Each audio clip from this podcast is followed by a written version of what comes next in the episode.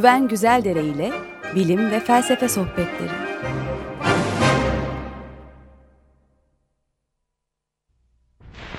Good evening.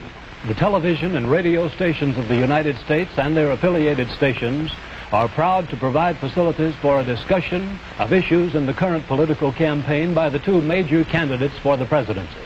The candidates need no introduction. The Republican candidate, Vice President Richard M. Nixon, and the Democratic candidate, Senator John F. Kennedy. Evet merhabalar Güven Bey, günaydın. Günaydın Ömer Bey, günaydın Can. Ee, evet, e, şimdi saat farkı da belirginleşti. Ben günaydın derken e, Türkiye e, saatiyle arada bir fark daha oldu aramızda. Siz de erken kalkmak zorunda kalıyorsunuz. Ee, ama buna biraz önce de Ahmet İnsel'le konuştuk. Ee, bir ad veriyor kendisi. Bu e, eskiden TSI diyorduk. Şimdi YTSI diyor. Yeni Türkiye saati. Yeni Türkiye'nin saati olmuş. Ee, böylece. Evet. Yeni, yeni Türkiye saatiyle e, benim olduğum yerle e, 8 saatte açıldı saat farkı. E, yani biz e, bu programı yaparken e, yeni Türkiye saatiyle saat e, sabah 9.30'da e, Amerika Birleşik Devletleri'nin doğu yakasında 01.30 saat e, 8 Kasım'a girilmiş vaziyette 8 Kasım e, bugün yani Amerika e, başkanlık seçimlerinin olacağı gün e, tabii seçmenler e, henüz uykudalar şu anda Amerika Birleşik Devletleri'nde e, sandıklar henüz açılmadı. Ama işte 6-7 saat içinde e, seçim başlayacak ve günün sonunda e, 2017'den e, itibaren 4 sene boyunca Amerika'nın yeni başkanının kim olduğu belirlenmiş olacak. Evet, biz girişte çaldığımız e, küçük parçada e, Nixon'la Kennedy arasındaki seçimin anonsu yapılıyordu bir radyoda yani değil mi? Evet. E, dinleyenler belki hayırdır inşallah demişlerdir. 1960 senesinde ilk kez e, başkanlık münazaraları televizyondan verilmiş. E, biliyorsunuz başkan adayları arasında üç tane e, münazara oluyor. E, ardından bir de başkan yardımcısı adayları arasında bir dördüncü münazara oluyor. E, İlkini 1960 senesinde denemişler. Televizyon e, henüz nispeten yeni bir teknolojiyken e, bu ses kaydını da verdiğimiz e, John Kennedy ile Richard Nixon arasındaki münazarada e, Kennedy çok daha e, fotojenik ve rahat bir e, izlenim vermiş. Nixon e, sahiden seyrederseniz göreceksiniz sıkıntılı e, rahatsız bir e, görünüm veriyor. Sürekli terliyor filan ve seçimin sonucuna bunun büyük bir etki e, yaptığı düşünülmüş. O gün bugündür bu televizyon e, tartışmaları hem bir gelenek olarak Amerikan siyaseti içinde yer alıyor hem de e, seçim kampanyalarının bir alt sektörü haline gelmiş vaziyet, vaziyette e, belli bir formatla ilerliyor. E, birinci münazarada e, bir moderatör soruları soruyor. İkincisinde ise kararsız seçmenler arasından seçilmiş e, dinleyici sorularına cevap veriyorlar. Dinleyiciler, e, oradaki seçmenler, izleyiciler daha doğrusu doğrudan soruları soruyor e, başkan adaylarına. Üçüncü münazarada yeniden e, moderatörler soruları soruyorlar. E, bu münazaralara e, o yüzdesi yüzde on beşin altında e, ulusal olarak kalan adaylara yer verilmiyor. Dolayısıyla şimdiye kadarki bütün münazaralarda e, iki aday arasında e, hep oldu. Aslında burada yanılıyor olabilirim. Sanki bir Ross Perot e, 1990'larda bir üçüncü aday olarak çıkmıştı. Bir münazarada kendine yer bulmuştu gibi hatırlıyorum. Ee, galiba doğru ama ondan sonra da gene hep dışarıda bıraktılar çok büyük itirazlara rağmen. Yani Cumhuriyetçi Parti ile Demokrat Parti'nin e, yerleşik e, kurulu düzeni e, izin vermiyor üçüncü bir kesime girmeye. Mesela bu seferki son seçimde de Jill Stein özellikle çok önemli bir birçok görüşünü yani çok kendimizinkilere de yakın yani kendi adıma söyleyeyim yakın bulmama rağmen fırsat bulamıyor maalesef. Evet yani bu seçim e, Hillary Clinton'la Donald Trump arasında geçiyor gibi e, hep e, yer buluyor medyada. Halbuki iki tane daha e, aday var. Bir tanesi bu Libertarian Parti'nin başındaki Gary Johnson isimli adam. Yaklaşık yüzde altı oy alacağı aslında tahmin ediliyor. Diğeri de Yeşil Parti'nin başındaki Jill Stein. Onun da yüzde iki civarında oy alacağı e, tahmin ediliyor. Amerika genelinde yüzde iki oy aslında az bir oy değil ama e, işte Türkiye'deki seçim barajı gibi burada da e, üçüncü partileri dışarıda bırakmak üzere kurgulanmış bir sistem var ve dolayısıyla e, münazaralarda bile kendilerine yer bulamıyorlar. E, sizin de dediğiniz gibi Jill Stein'in Yeşil e, Yeşiller Partisi e, gerçekten e, eğer seçim bildirgelerine bakarsanız e, çevrecilik, savaş karşıtlığı, ırkçılık karşıtlığı, sosyal adalet, dayanışmacı tabandan yükselen demokrasi, cinsiyet eşitliği ve LGBTİ hakları öne çıkartıyor. Açık arayla en e, ilerici parti oldu açık e, Amerikan e, siyasi sisteminde. E, bu konuya belki programın sonuna doğru bir kez daha dönelim çünkü burada bir e, genellikle genç insanları bir açmazla karşı karşıya e, bırakan bir sorun var. Oylarını Yeşil Parti'ye vermek isteyenler e, çok tartışılıyor bu e, onlara vererek ziyan mı etmeliler? E, verdikleri o gerçekten ziyan mı olacak? E, yoksa kötünün iyisi diye Hillary Clinton'a mı vermeliler falan. Bunu tekrar geri dönelim isterseniz ama e, ben evet. e, kısaca biraz seçmen demografisinden de bahsetmek istiyorum. E, bu seçimde ve e, geçen seçime e, mukayeseli olarak siz Amerika Birleşik Devletleri Başkanlık seçimlerinden hayli bahsettiniz. Ahmet İnsel'le de kaç haftadır üstünde duruyorsunuz. Ee, sizin konuştuğunuz konuları tekrar etmemeye çalışarak e, birkaç not aldım. Onlardan e, bahsedeyim diye düşünüyordum. Lütfen. Ee, Amerika'da e, kayıtlı seçmen sayısı bu seçimde 200 milyon üzerine çıkmış durumda. Fakat genellikle oy kullanma oranı %60 civarında seyrediyor. E, 2008'de %62'ye çıkmış mesela e, Obama'nın e, seçildiği seçim e, hayli büyük bir kampanyayla özellikle siyah Amerikalıların oy kullanması yönünde e, çok çaba harcanmıştı. Bu oranı yükseltmiş. 2012'de tekrar %58'e düşmüş. Yani Amerikan halkının e, yarısından biraz azı e, seçimlerde oy kullanmıyor neredeyse bu, bu demek. E, bu seçimde de yaklaşık 120-130 milyon e, kişinin sandığa gitmesi bekleniyor toplam. E, Amerikan seçim sisteminde erken oy e, atmak da mümkün. E, bu oyların ne olduğu haliyle e, seçim gecesi bütün oylar açıklanana kadar e, açıklanmıyor. Fakat hali hazırda e, bugün itibariyle yaklaşık 40 milyon kişinin oy atmış olduğu söyleniyor. Yani e, işte yaklaşık 120 milyon e, sandığa gidecek seçmenin üçte biri aslında oylarını kullanmış vaziyette. Hı hı. Ee, Amerika'da bildiğiniz gibi eyalet sistemi var. Ee, 50 eyalet içinde e, iki tane istisna dışında Maine ve Nebraska eyaletleri dışında eyaletlerin e, sahip oldukları oy sayısı e, bu İngilizce'de winner takes all denilen e, kazananın bütün oyları oylara sahip olduğu e, sisteme sahip. E, ve eyaletlerin nüfuslarına orantılı olarak e, e, her eyaletin belli bir oy sayısı var.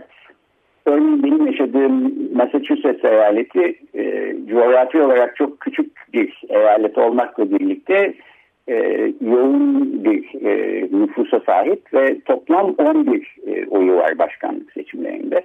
Çok daha büyük bir eyalet olan e, Florida'nın e, mesela 29 oyu var.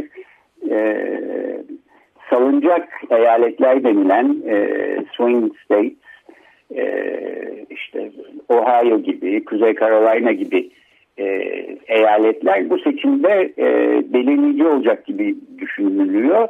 Çünkü e, mesela Florida'ya baktığınız zaman bunun e, gidip gelen bir eyalet olduğunu görüyorsunuz. 1996'da Demokratlar kazanmış, 2000'de Cumhuriyetçiler kazanmış, 2004'te yine Cumhuriyetçiler kazanmış, 2008'de tekrar Demokratlar geçmiş.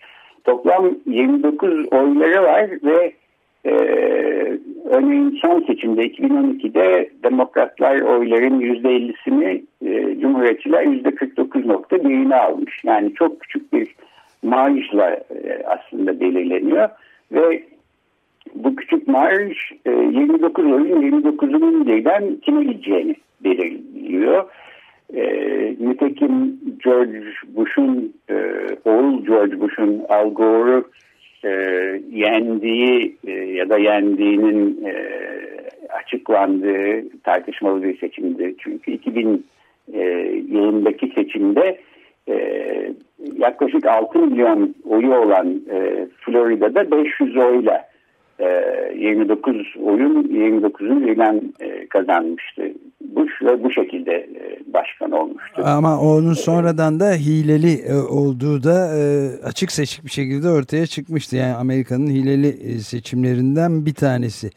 İşin ilginç tarafı yani zaten Supreme Court'ta yani yüksek mahkemenin kararıyla 5'e 4'lük bir kararla Florida'nın e, cumhuriyetçi e, şey Florida eyaletinin cumhuriyetçi partiden e, eyalet başkanı vali midir ya yani Secretary of State dedikleri onun e, evet. iddiasına göre e, yüksek mahkeme karar verdi ve Florida'yı Bush'a verince çok küçük bir farkla onun oldu ama hileli olduğu konusunda son derece yüksek sayıda analiz çıktı. İşin ilginç tarafı sizin ilk e, açılışta e, verdiğiniz bu Nixon'la Kennedy arasındaki seçim de e, Amerikan tarihinin hileli seçimlerinden biri olarak tarihe geçmiş. E, onu da Michael Albert e, Znet e, editörünün e, kurucusu e, ve yazarlarından Michael Albert'la yıllar önce çok uzun yıllar önce e, yaptığımız bir mülakatta açıkça söylemişti. Amerikan seçimlerinde hile e, öyle hiç rastlanmamış bir şey değildir deyip bu örneği vermişti kendisi. Sonradan ben de bakmıştım ve gerçekten Kennedy seçimleri de şaibeli hatta şaibeli olmanın ötesinde hileli diye de geçiyor.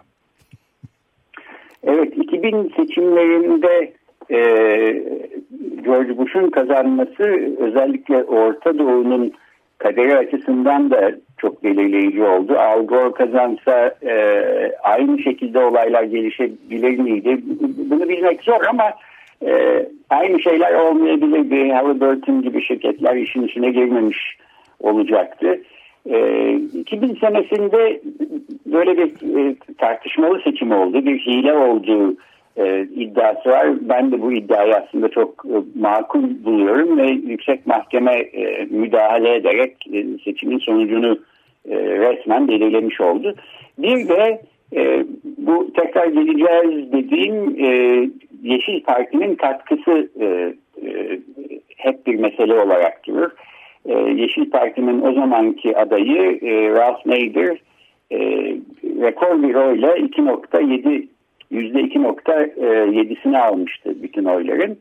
Ee, eğer seçime girmese ya da ona oy verecek insanlar işte Al Gore'a oy verse Al Gore kazanırdı. Dolayısıyla e, Yeşil Parti yüzünden demokratlar kaybetti filan diye şikayet eden demokratlara hala bugün de rastlamak mümkün. Ama zaten ee, kazandı, e, kazanmıştı Gore işte biraz önce konuştuğumuz gibi yüksek mahkemeden bir kişinin, bir yargıcın oyuyla kaybetti. Evet. Yani belki hani bu hileye bile e, mahal bırakmayacak e, şekilde kazanırdı filan şikayet evet. bu. Bu, bu konuya dediğim gibi dönmek istiyorum fakat şu demografik e, şeyleri evet, lütfen. E, bitireyim. E, toplam 538 oy var Amerika'nın 50 eyaleti e, genelinde. Bunların 270'ini kazanan bu seçimi kazanacak. E, dolayısıyla aslında seçimi belirleyecek olan şey bu salınacak eyaletlerin yani Florida, Ohio, e, Kuzey Carolina gibi o e, eyaletlerdeki oyların kime gideceği. Çünkü Amerika'da seçimler az önce de anlatmaya çalıştığım gibi mutlak oyla belirlenmiyor. Eyaletler başına düşen oyların toplamıyla belirleniyor. Nitekim 2008'de mesela e, Obama, Barack Obama mutlak oyların e, %53'ünü aldığı halde e, başkanlık oyları itibariyle bu 538 oydan e, bunların %68'ini kazanmış. E, hesaplarda bunlar üstüne yapılıyor. İşte Amerika'nın büyük e, gazeteleri gün be gün takip ediyorlar. New York Times e, bir ara Clinton'ın e, kazanma ihtimalini %91'e kadar yükseltmişti. En son bunun itibariyle %84 e, diye vermiş. E, öte yandan e, Washington Post'un mesela geçen hafta e, yaptırdığı bir ankette puan farkı diye düşmüş gibi gözüküyordu. E, iki gün önceki benim gördüğüm son anketlerden birinde Wall Street Journal e, gazetesi yaptırmış. Orada e, Trump yüzde 40, e, Clinton yüzde 44 gözüküyor. E, bir başkasında da dün, dün konuşmuştuk. Bir yüzde bir, e, bir puan fark e, gösteren CNN International'ın da duyurdu. Öyle de bir şeye rastlamıştık biz. Bir puanlık e, fark. Evet. Demografik olarak baktığımız zaman şöyle ilginç şeyler de görüyoruz. Ee, beyaz olmayan seçmenlerde müthiş bir artış var. Yani 2012'den bu yana 4 sene içinde e, Amerika'daki seçmen e, toplamı %5 oranında artmış. Fakat beyaz seçmenlere bu artış %2 olarak yansıyor. Buna karşın Asya kökenli seçmenlerde %16, e, Hispanik seçmenlerde %17'lik bir artış var. Yani e, ileriye doğru bir projeksiyon yaptığınız zaman aslında bir süre sonra çok da uzak olmayan bir gelecekte Amerika'nın beyazların çoğunlukta olduğu bir ülke olmayacağını artık aslında görmek mümkün. E, bugün itibariyle e, Amerika'da beyazlar e, 156 milyon, siyahlar ve Hispanikler yaklaşık 27'şer milyon, Asyalılar e, 9 milyon e, civarında bir nüfusa sahipler. Fakat bu dengeler sürekli değişiyor ve seçime de yansıyacağı kesin. Bir de ilginç olan taraf e, cinsiyet e, ayrımıyla eğer bakacak olursak e, seçimlere galiba bundan siz de bahsettiniz birkaç hafta önce evet. yapılan bir anketin e, tahmini e, bu seçimde yalnız erkekler oy kullansa Trump e, 350 oy e, Clinton 188 oy alıyor ve Trump kazanıyor ama yalnız kadınlar oy kullansa Trump 80 oyda kalıyor Clinton 458 oy alarak e, kazanıyor. Bu da tabii ilginç. Yani e, kadınların e, seçme ve seçilme hakkının olmadığı zamanlara bir şekilde e, geri dönmeyi herhalde Trump isterdi. Çünkü o e, bu durum başkanlığını garantilerdi gibi gözüküyor. Evet Güven Bey benim de bir sorun var müsaade ederseniz. Dinleyicilerimizden de gelen bir soru bu. Ee, Tabii. Bu Pensilvanya ve Ohio gibi eyaletler neden alınması kaleler alınması gereken kaleler olarak nitelendiriliyor? Ne gibi özellikleri var bu iki eyaletin, eyaletin ve benzerlerinin ee, daha doğrusu? Florida'nın. Bunlar salınacak eyaletler olarak bilinen eyaletler. Yani e, geçen seçimlere baktığım e, zaman e, demokratlarla e, cumhuriyetçilerin aslında çok küçük oy farklarıyla bu eyaletleri birbirlerinden aldıklarını ve bu eyaletlerin bir demokratlara bir cumhuriyetçilere gittiklerini görüyoruz. Yoksa eyaletlerin kendilerinde özel bir şey yok. İşte belli sayıda büyük oranda oyları var. E, fakat dediğim gibi mutlak oyun e, belirleyici olmaması bu tür salıncak eyaletleri çok önemli e, kılıyor. Çünkü işte mesela Florida'da e, başkanlık için e, toplamdaki 538 oyun 29'unu birden e, tek bir kişinin oyuyla bile e, belirliyor olabiliyorsunuz. Hı hı. Evet öyle bir öyle Daha kritik şey var. gibi Bush mesela yalnızca 500 oy farkıyla e, Gore'u geçmişti ya da neyse geçtiği iddia edilmişti ve bu yüzden 29 oyun 29'unu birden almıştı. E, eğer mutlak oyun doğrudan e, orantılı biçimde e, yansıtılması söz konusu olsaydı sistemde böyle bir durum e, söz konusu olmayacaktı. Florida, Pennsylvania gibi eyaletlerde bu kadar önemli olmayacaktı. Evet, evet şimdi ben de bir buradan kalkarak bir soru sorayım. Bir demografikten bahsederken demografiden e, yani cumhuriyetçi oylarının artık bir küçük beyaz azınlığa ulaştığını e, bu duruma bu derekeye düştüğünü söyleyen bir yazı vardı. Dün de birazcık okumuştuk. Hangi kadın efendim? Re, ha, Rebecca Solnit'ten.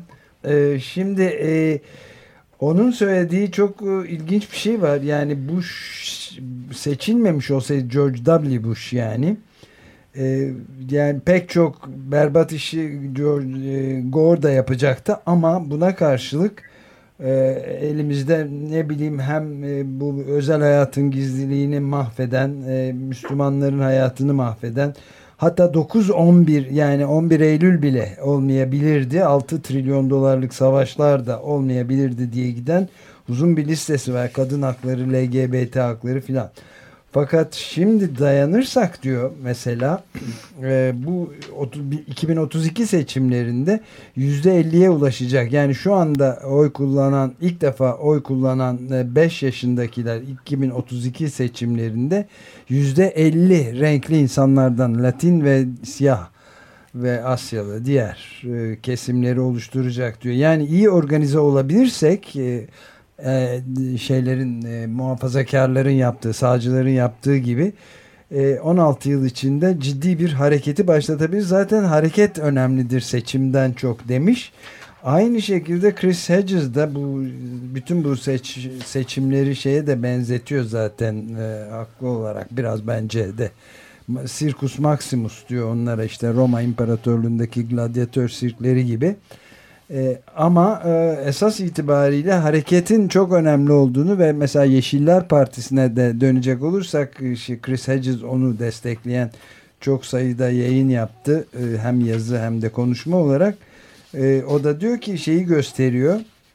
E, yani Jill Stein'ın e, yüzde iki dediniz siz biraz önce yüzde iki gibi bir şey alsa bile yani Siriza'yı örnek gösteriyor.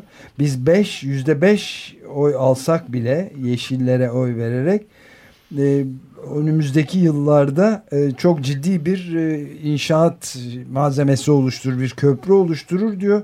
Ve yani mesela 10 yıl önce Siriza şu anda iktidarda olan Yunanistan'da Siriza yüzde dört alıyordu diyor. Böylelikle çok e, ilginç bazı sonuçlara da ulaşmamız mümkün olabiliyor. Ne dersiniz? E, bunların hepsine katılıyorum. Aslında e, bu Syriza'dan yola çıkarak e, Chris Hedges'in söyledikleri şeyi Türkiye için de e, belki düşünmemiz mümkün. E, ama Amerika'daki seçime gelecek olursak bence bu seçimde iki tane e, kimsenin kolay kolay öngöremeyeceği gelişme oldu. E, bir tanesi e, Trump gibi bir insanın e, buralara kadar gelmesi ve seçim zorlayacak e, 8 Kasım itibariyle seçim zorlayacak bir aday olarak ortada e, olması. E, Amerikan seçimlerinde mesela e, adayların vergi beyanlarını yapmamış olmaları duyulmuş e, hatta hayal edilebilecek bir şey değildi. Trump evet. bugüne kadar kendi vergi beyanlarında bulunmadı. E, vergi kaçakçılığı yaptığını aslında bunun da çok akıllıca bir şey olduğunu filan hatta ima etti. E, bu Amerikan siyasetinde bir ilk olarak e, belki görülebilir. Fakat bence e, ikinci ve daha önemli beklenmedik gelişme Bernie Sanders'ın e, yarattığı heyecan oldu. Çünkü sonuçta e, pek karizmatik olduğu söylenmeyecek beyaz ve yaşlı bir adam e, ortaya çıktı ve genç seçmen kitlesine sahiden söylemiyle e, yeni bir dünyanın mümkün olduğunu e, olduğuna ikna ederek bu insanları e, bu seçmen kitlesini sürükledi. Ben e, kendi öğrencilerim arasında Sanders'ın yarattığı heyecana benzer bir heyecanı işte yaklaşık 20 yıldır Amerika'da hiçbir zaman ve hiçbir seçimde görmemiştim. E, tarihin e, sarkacı bazen bizim e, algılayamayacağımız bir e, hızda ya da yavaşlıkta e, diyeyim hareket ediyor oluyor. Her zaman öngöremiyoruz. 2008 hatta 2012 itibariyle mesela Bernie Sanders'ın böyle bir hareket yaratacağı öngören birisi var mıydı ben bilmiyorum.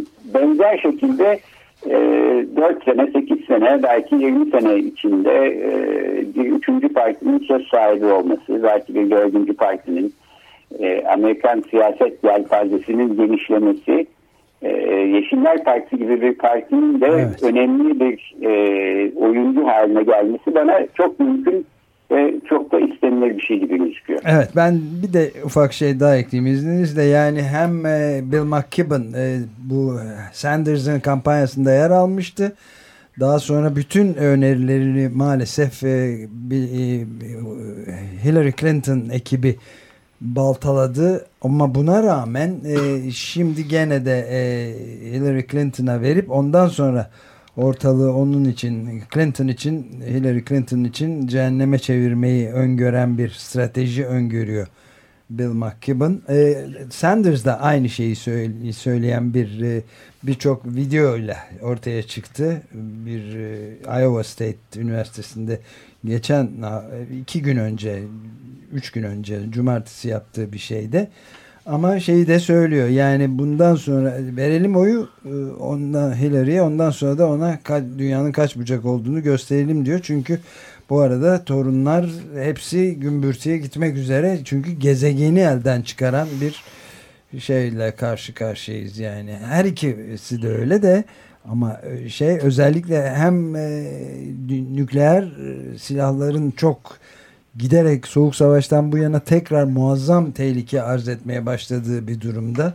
Depolardan çıkarılması. Depolardan durum. çıkarılması ve yeni silahlardan Rusya'nın evet. filan da e, şey yaptı. Çok ciddi bir tehlikenin olduğu bir sırada hiçbir fikri olmadığı anlaşılan bir adam var. E, Hillary e, şey Donald, Donald Trump, Trump gibi. Hillary Clinton'ın da ne kadar bu Şahin tarafıyla ne kadar bunun farkında olduğu tartışılır ama böyle bir muazzam tehlike var onun ötesinde tabii e, Donald Trump'ın açıkça e, tam anlamıyla bir e, faşist şeyle doğrudan doğruya nükleer şeye de kodlara da ulaştığı anda bütün kuzey yarı bir anda yok edebilecek bir tip olduğu konusunda da ciddi tehditler oluştuğunu söylemek mümkün tabii.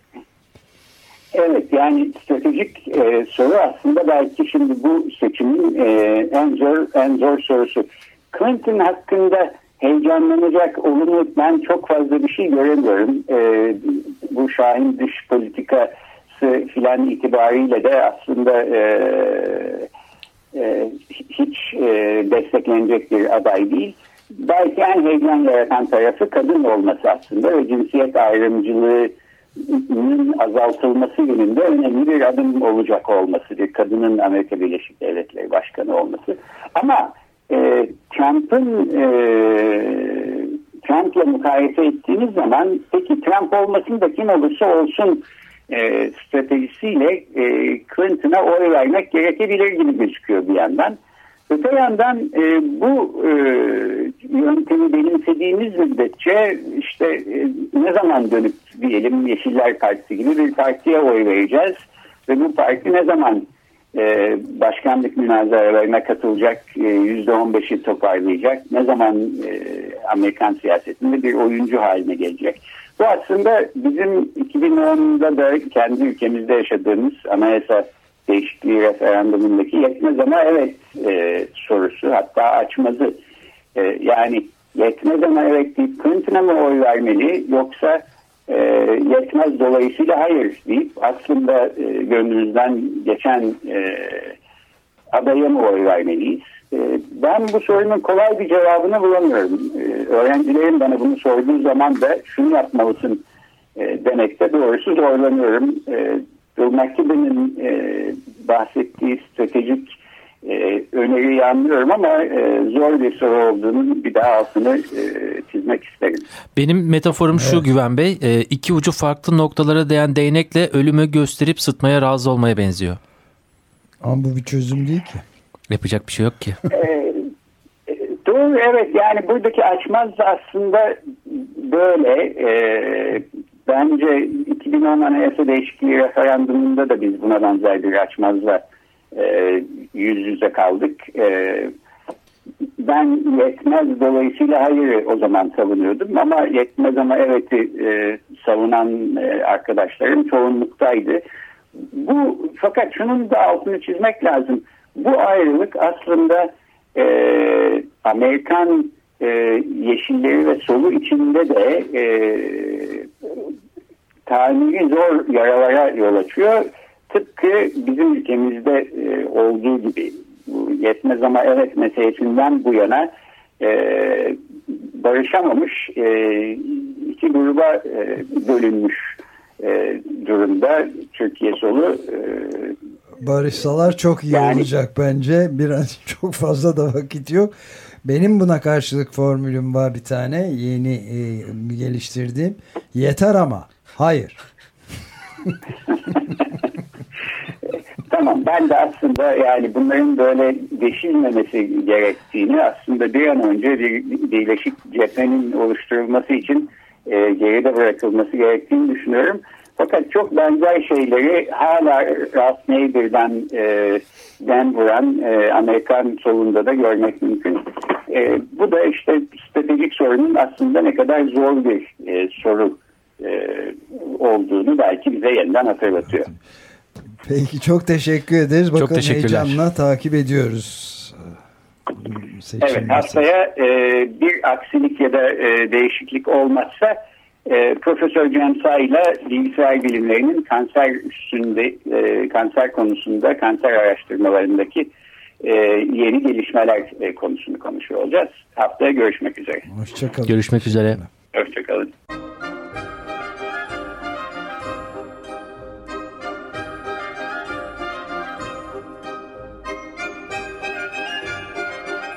Açık Bilinç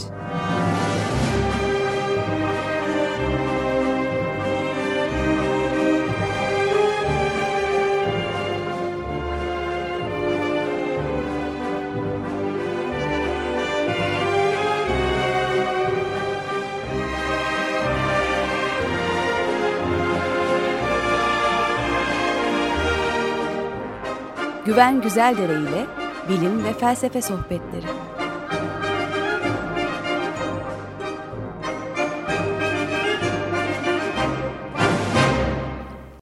Açık Radyo program destekçisi olun. Bir veya daha fazla programa destek olmak için 212 alan koduyla 343 41 41